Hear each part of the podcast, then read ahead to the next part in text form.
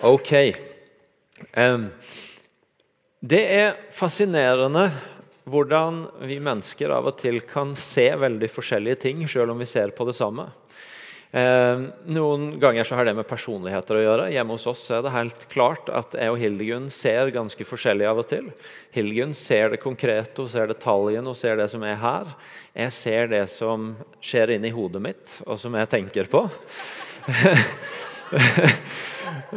og det, det betyr f.eks. en klassisk episode når vi kjøpte hus for noen år tilbake. og um, Vi satt og snakka etterpå. Hildegunn var i gang med å skulle innrede alle rommene i huset før vi var kommet dit. men mentalt sett. Og når det gikk opp for henne at jeg ikke kunne gjøre rede for hvilken farge det var på veggene i ett av rommene i huset, så tenkte hun hæ, har du brukt mange millioner kroner på et hus, og du vet ikke engang hvilken farge som er inni det? Mens jeg hadde, altså min sjekkliste den var helt ok. Det var, hadde de rommene det skulle ha, den plassen i stua det skulle ha. Det var, vi, vi, så bare veldig forskjellig på det. sant? Noen av dere som lever tett på andre mennesker, kan kjenne dere igjen i det. Men av og til så har det selvfølgelig ikke bare med personlighet, men det har med fokuset vårt, med hva vi ser etter når vi ser. Vi kunne se I stad så kunne jo liksom sitte og se og tenke Hæ, er halve bystyret i Stavanger på scenen i IMI nå? For det er liksom, Kjartan Anne Kristin er jo politiker i byen vår. Eh, eller en kunne på en måte ja, en kunne henge seg opp i andre av de tinga Kjartan Og så sier han liksom nesten litt sånn mumlete inni der. Ja, så ble alle kristne. Eh, og så er det litt sånn Hvis ikke du ser etter det, så er det nesten så du ikke får sett det. ikke sant? Det er noe med at noen ganger så kan vi se alt rett og allikevel kanskje miste poenget. Og Det tar oss rett inn i det som er teksten vår i dag. Når vi er kommet til Johannes 5. Hvis du er på besøk, så går vi gjennom Johannesevangeliet i IMI denne våren. Ett kapittel hver uke. og Vi er kommet til kapittel 5. Og der skjer noe som handler om hva en ser, og hva en har fokus på. Jesus kommer til Jerusalem igjen. Det er jødisk høytid. Han skal opp for å feire. og På veien så stopper han. Han kommer til det vi kjenner som Betestadammen. Et sted som, som altså var et sted hvor syke mennesker som var syke, samles. Antagelig lå det gjerne flere hundre syke der. Og, og så var dette et sted som det var kjent for at av og til så kunne det skje helbredelser der. Det står i vers 3 og 4 at det lå en mengde mennesker som var syke, blinde, lamme og uføre. Og De venta på at vannet skulle komme i bevegelse. For en engel fra Herren steg fra tid til annen ned i dammen og rørte opp vannet. Den første som steg ned i dammen etter at vannet var blitt rørt opp, ble frisk uansett hvilken sykdom han hadde. Så Det er et sted med masse smerte, for det er mange syke. Og det er samtidig et sted med håp, fordi en, en vet at noen ganger så byr det seg faktisk en mulighet til å bli frisk her, til å bli helbreda her. Og Midt i den kombinasjonen av smerte og håp så fokuserer fortellinga inn på én person som har vært syk i 38 år, og som dermed, hvis vi tenker på levealderen for vanlig levealder for folk på den tida, så betyr det antagelig at han har vært syk hele eller mesteparten av livet sitt, og at livet hans begynner å nærme seg slutten. Det er mange år. 38 år. Og så, og så ligger han der og, og, Det er egentlig litt vanskelig å si om han ligger med en forventning om at kanskje er det snart min tur til å bli helbreda, eller om han bare ligger der fordi det er det han er blitt vant til. Og, og han har ikke noe bedre sted å gå. For, for når vi hører dialogen, så, så, oser det ikke av forventning hos han til at en helbredelse er like rundt hjørnet. Men, men så kommer Jesus, og så, og så skjer det noe. Leser fra vers 6 til 9. Jesus så han ligge der og visste at han hadde vært syk lenge og sa til han, 'Vil du bli frisk?' Den syke svarte, 'Herre, jeg har ingen som kan få meg ned i dammen når vannet blir rørt opp.' 'Og når jeg kommer fram, går alltid en annen uti før meg.' Da sier Jesus til han, 'Stå opp, ta båren din og gå.' Straks blei mannen frisk, og han tok båren sin og gikk. Han er helbreda.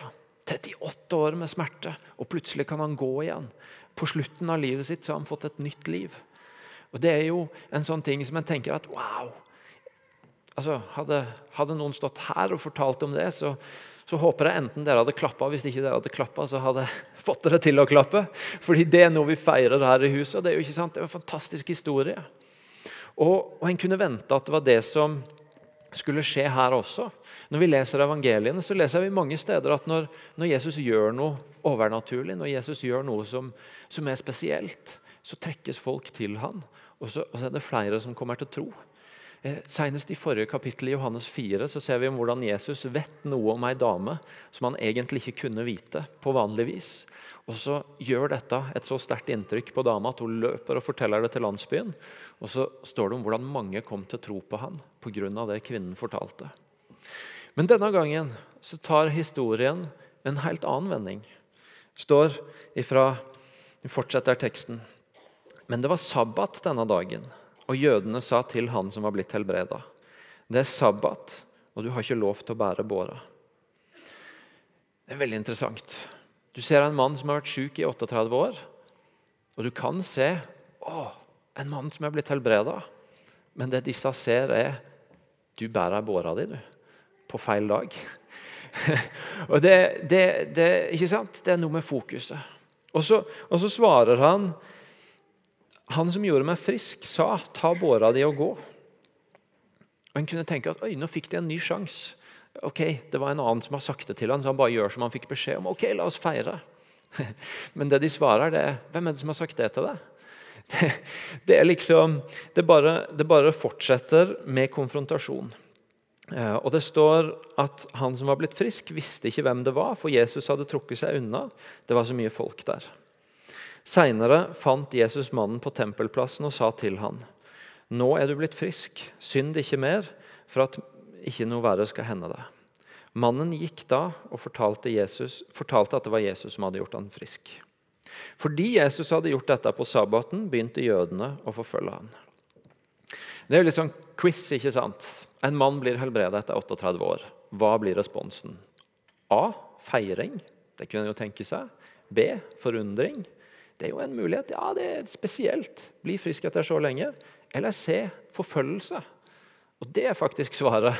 Det, en mann blir frisk, og forfølgelse av Jesus bryter ut fordi det har skjedd på feil dag og det har skjedd eh, på feil måte. Og Så kan en gjøre seg mange slags tanker om det. Og, og En kan som jeg gjør nå, stille meg utafor historien ikke sant? og vise minimalt med forståelse for disse skriftlærde og karikere de og ha det litt moro med de. Og så vet vi at de gikk jo ikke rundt der og var ute etter å ta noen. For det om jeg karikerer de nå, så er det jo ikke sånn at de, de liksom gikk der og tenkte mm, Hvem kan vi ta i dag? De gikk jo og trodde at de gjorde det rette. Og ikke minst så gikk de og var veldig opptatt av å beskytte det rette. Av å beskytte det som var rett. Og de er så opptatt av det rette og av å beskytte det som er rett, at de ender opp med å ikke få med seg det Gud gjør.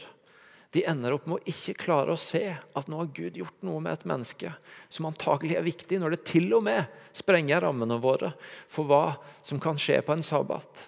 Og så, og så har de på en måte alt rett, selv om de og Jesus var uenige om hvordan de skulle forstå og holde sabbaten hellig, hellig så har de på en måte alt rett. Og Allikevel så har de fullstendig feil, fordi de har gått glipp av poenget. De har gått glipp av det som har skjedd. De har gått glipp av det Gud gjør. Og Det er en utfordring som er like relevant for oss i dag som det var nå. Kanskje skjer det ikke på samme måte, kanskje er det ikke de samme tinga. Det er ikke så mange av oss som hadde reist oss opp og begynt å anklage folk som var helbreda for at de gikk eller bar på feil ting på feil dag. Men allikevel se dette her med hvor er fokuset vårt? Hva er det vi ser når vi ser? Og får vi øye på det Gud gjør? Det er ei utfordring. Og når Jesus fortsetter å snakke med folka, så får vi kanskje litt mer tak i hvordan han tenker om det, og noen tanker som kan hjelpe oss på vei. Han begynner først å svare litt sånn kryptisk i vers 17 at 'min far arbeider helt til nå, og så er jeg arbeider'. Så litt sånn OK, men min far i himmelen jobber på sabbaten, så da gjør jeg det òg. Og Det ble det ikke noe bedre av. Neste setning, etter, at, etter dette var jødene enda mer oppsatt på å få han drept. Så det var ikke et svar som hjalp.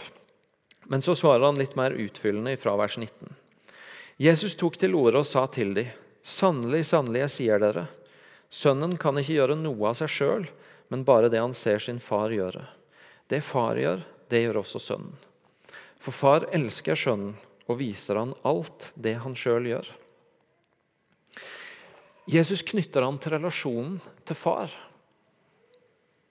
Og vi forstår at når Jesus kommer inn i en situasjon, når Jesus møter et menneske, så er ikke primært hans fokus hva skal jeg gjøre nå? Og heller ikke hva skal jeg mene om det som møter meg her. Men fokuset hans er hva gjør min far nå? Hva er det min far holder på med her? I den syke mannen som ligger ved Betestadammen. I den kvinnen som kommer til brønnen og vil ha vann. I de andre menneskene vi møter, så er blikket hans ikke hva skal jeg mene om det de gjør, om hva de tenker, om hvorfor de kommer her nå. Eller hva skal jeg finne på nå for å, for å på en måte få dem på rett spor? Men fokuset hans er hva, hva gjør far? Og Jesus utdyper dette ytterligere i vers 30, når han sier jeg søker ikke det jeg sjøl vil, men det han vil, han som har sett, sett, sendt meg. For tilhørerne til Jesus ville det vært lett å høre det han sa her, og koble det til noe de var vant til når de, eh, når de tenkte på far-sønn-relasjoner i sin tid.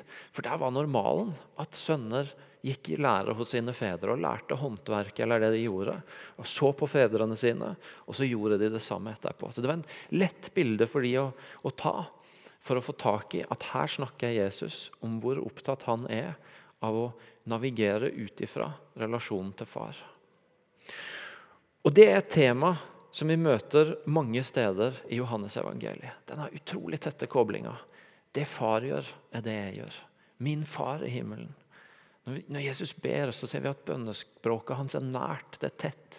Det, det vitner om at, om at Gud far er ikke en sånn fremmed der oppe som han en gang ble sendt fra, men det er et nært vennskap. Jesus er opptatt av relasjonen til far.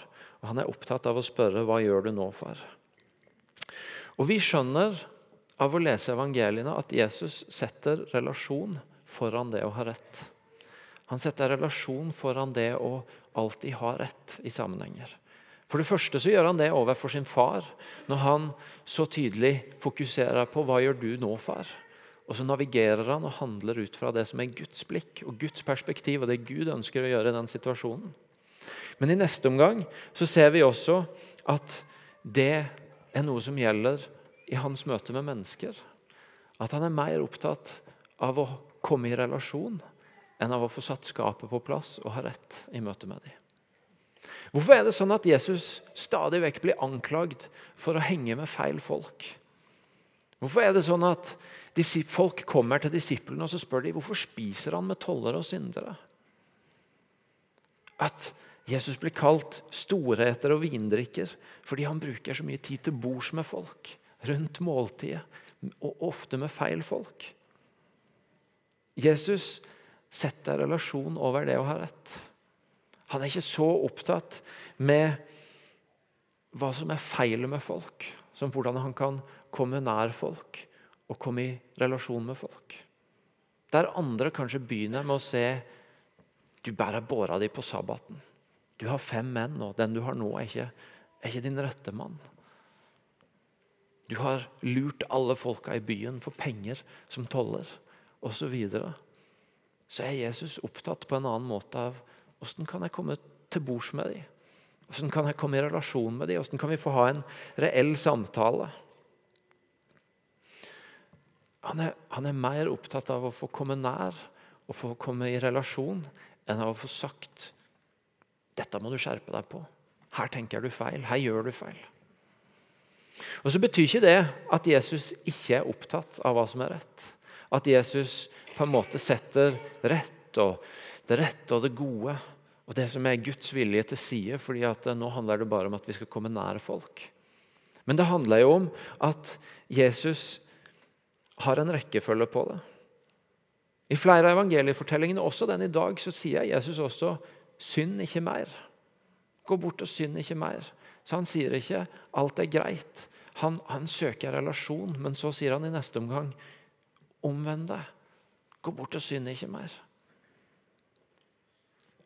Og vi, vi så i historien om, eh, om, om, om kvinnen ved brønnen i forrige uke, i kapittel 4, at, at, utgangspunktet for samtalen er at han tar tak i noe i damas liv som ikke er på plass. Nemlig at hun har hatt fem menn, og nå er hun i gang med sjettemann. Så det er ikke det at Jesus feier det rette, det gode, Guds vilje under teppet for å komme i relasjon. Men det handler mer om at han søker relasjon først. Han søker først å komme til bords, han søker først å få en stemme inn i livet. Og så er han sannheten, tro i kjærlighet, når han også kaller til omvendelse. Og Det er ofte vi mennesker som føler at vi må velge det ene eller det andre. Enten så må vi sette skapet på plass og så må vi si ting som de er. Eller så må vi bare drikke kaffe og si at alt er greit. Men Jesus han holder sammen begge deler. Men han setter relasjon foran. Og så kommer Guds gode vilje eh, og, og, fokuset på det etterpå. Mot, eh, mot slutten av evangeliene så er det en episode hvor Jesus er på vei mot korset. Og Så kommer denne gjengen som skal ta ham til fange mot ham. Og, og Det er en svær gjeng som kommer for å fange ham. Og Så tar Peter, alltid førstemann ut av disiplene, og hogger, tar, tar, sverdet sitt opp og skal prøve å forsvare Jesus og kapper øret av en av soldatene. Og Så stopper Jesus han og så sier han, nei, nei, ikke gjør det. Han sier Stikk sverdet på plass igjen, for alle som griper til sverd, skal falle for sverd. Tror du ikke jeg kan be min far, og han ville straks sende meg mer enn tolv legioner engler? Men hvordan skulle da Skriftene oppfylles? Jesus kunne nok påkalt Nei, nå glemte jeg å stoppe å sitere Bibelen, og så bare siterte jeg mitt eget manus om Bibelen. Det er å det står ganske alvorlige ting i Bibelen om å legge ting til, så det må jeg gjøre, oppmerksom på. Stikk sverdet på plass igjen. Jesus helbreder øret. Han sier Peter, nei, ikke gjør det. Jesus kunne påkalt mange krefter for å sette skapet på plass overfor disse som kommer for å fange ham. Men han vet at han skal ikke bare kjempe for det gode, men hvis han skal gjøre det han er kalt til, det hans far viser han å gjøre, så må han også kjempe med det gode. Det er ikke sånn at målet helliger middelet, at han kan ty til sverd bare fordi han har en god sak. Men han må kjempe for det gode, med det gode. Og det er et uttrykk som ofte brukes, som sier at du kan vinne diskusjonen, men tape personen. Og Jesus han viser oss en annen vei. Han viser oss en annen vei enn at bare jeg vinner diskusjonen, så er det ikke så farlig med personen. I stedet så viser han oss dette fokuset på hvordan kan jeg komme i relasjon og spørre hva gjør du i det menneskets liv, far? Hva, hva, er det du har fokus på? Hva er det du vil med dette mennesket? Per Lønning, gammel biskop, skriver et sted at Jesus er ikke kommet for å overvinne synderen, men for å bli ett mann. Han kom for å vinne over synden. Men han kom ikke for å overvinne, for å tilintetgjøre synderen, men for å bli ett mann. Et møte i, i, dagens tekst som forteller oss noe om en Jesus som, som spør, som er mer opptatt av å spørre hva gjør du, Gud, enn å ha rett og få satt skapet på plass. Hva betyr dette for oss? To ting jeg har lyst til å snakke om i dag. Det er, et langt kapittel med mange ting vi kunne gått inn i, men det er to ting jeg har lyst til å framheve. Det første er, som jeg opplevde meg minna på når jeg ba for oss på morgenen i dag, at det er viktig for noen av oss i rommet i dag å få tak i at dette er måten Jesus ser på du i dag. Han ser på deg og spør hva er det Gud gjør i livet ditt nå?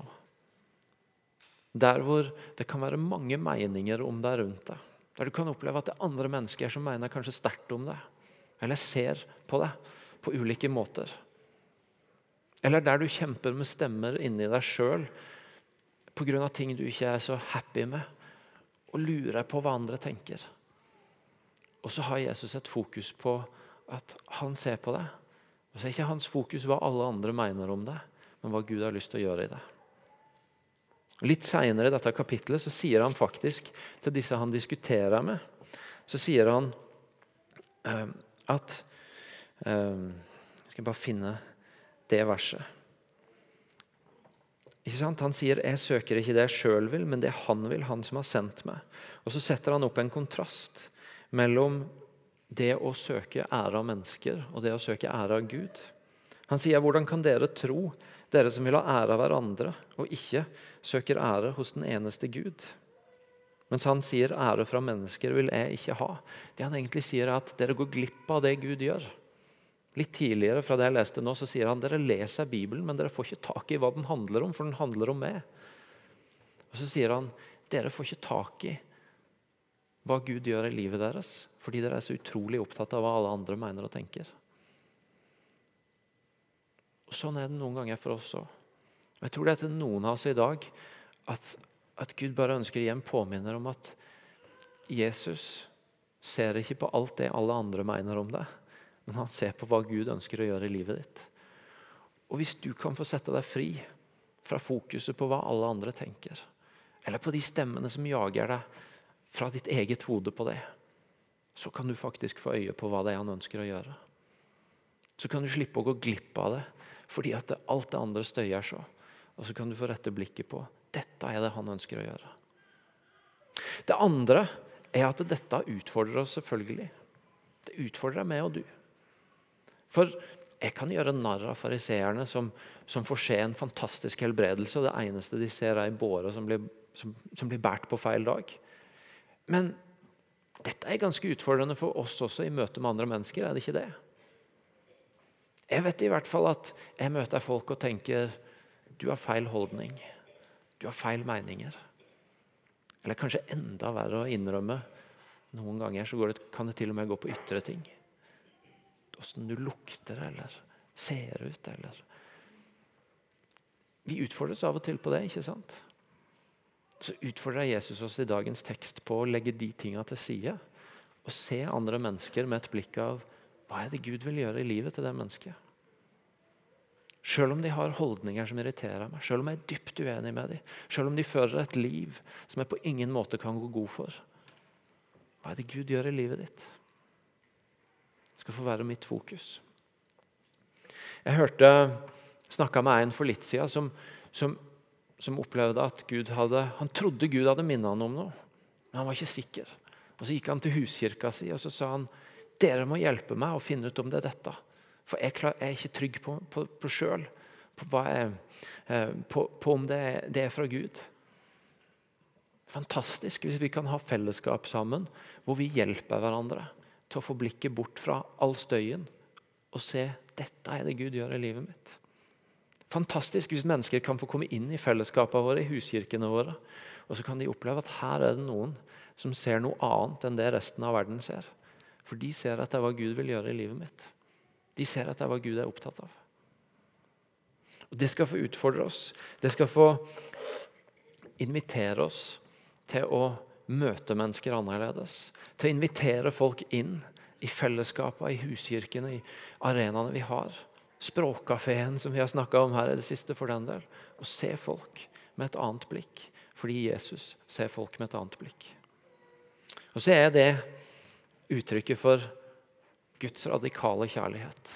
Som altså er villig til å ikke se på alt det andre ser på, men til å se på det han så når han skapte oss, og det han ønska at vi skulle få bli i han. Skal vi reise oss opp og be sammen?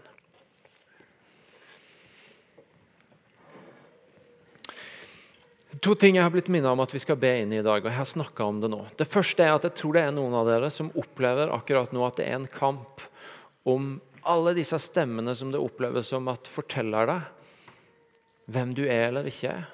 Og så trenger du egentlig å få skåret det bort. Og få tilbake at Jesus ser på deg med et spørsmål av hva er det Gud vil gjøre i livet ditt. Hva er det han vil gjøre i den situasjonen du er i nå.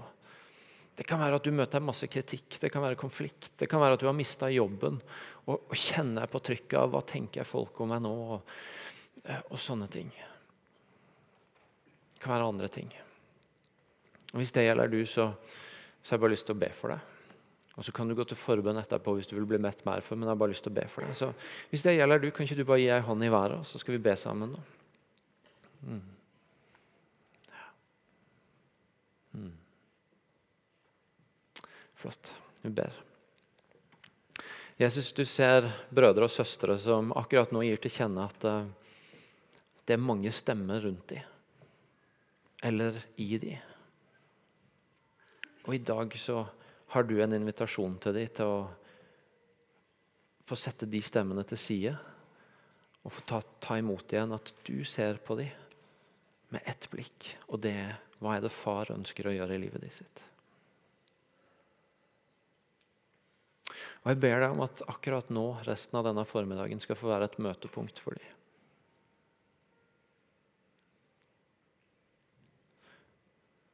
Hvor det åpnes opp, og du får slippe løs det som far ønsker å gjøre i livet ditt sitt. Det far ønsker å sette fri fra. Det far ønsker å gi styrke til. Det far ønsker å, å gi et nytt håp for.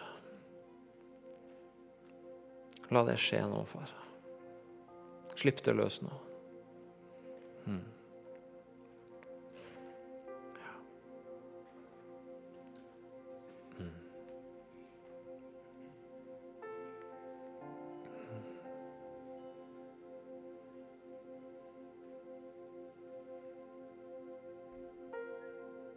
Og la det i denne uka som kommer, bare få, få merke at du er med Jesus. Og hver gang de andre stemmene kommer, så kan de få møte ditt blikk. Og så kan de få minnes om at du ser annerledes. Du ser det som er viktig, nemlig hva far vil gjøre.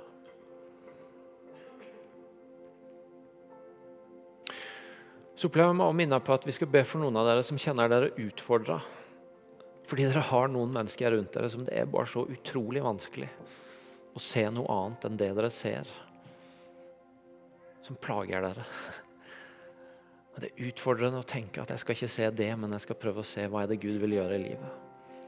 Og Da har jeg lyst til å be for deg om at du skal få hjelp og styrke og åpenbaring på det. Så Hvis det gjelder du, så bare gi han i været, og så, og så vil jeg be for deg. Mm.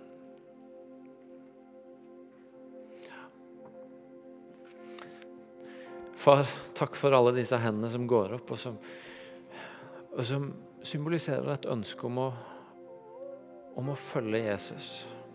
Om å se mennesker sånn som Jesus så dem, og sånn som du ser dem, far. Så jeg ber deg om at i de minuttene vi har igjen nå av gudstjenesten, at du skal begynne å snakke til dem om hva som er ditt blikk. At du skal begynne å gi dem ord og inngangsvinkler som, som gjør at de kan møte det annerledes. At det som er låst, skal åpne seg. Mm. Tal til de, far. Tal til de åpent og fritt om det du ønsker å gjøre. Mm. Så er det sånn at Vi har noen minutter igjen før barna skal hente, så da har jeg lyst til at vi skal bruke tid på å tilbe og på å søke forbønn. Kanskje rakk du handa i været på noe av det nå, og jeg ba litt, men du kjenner at jeg vil gjerne at noen ber litt til for meg. Da kan du søke forbønn. Men også hvis det er andre ting i livet ditt, andre ting jeg har snakka om, så er du velkommen til forbønn. Det gjelder også smerte og sykdom. Senest i går på helbredelsesrommet så vi mennesker eh, oppleve at smerter ble borte fordi vi ba for dem. Og eh, når jeg ba i formiddag, så tror jeg jeg fikk to kunnskapsord, påminnere fra Gud. Det ene er magesår, og det andre er vorter på beina som skaper mye smerte. Hvis de orda treffer deg, eller hvis du har annen sykdom eller smerte, så bruk forbederne. Nå er det sånn at vi har fem minutter til barna må hentes. Bli igjen for tilbedelse, for å søke forbønn. Og etter det kan du være så lenge du vil. Kafeen åpner ute på torget. Velkommen tilbake til gudstjeneste neste søndag. Og så er det medlemskurs hvis du vil bli medlem i Imekirka i kveld klokka 20.30 her på huset. Vi avslutter sammen med å ta imot velsignelsen.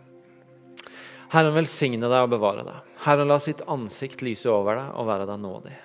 Herren løfte sitt åsyn på deg og gi deg fred. Amen.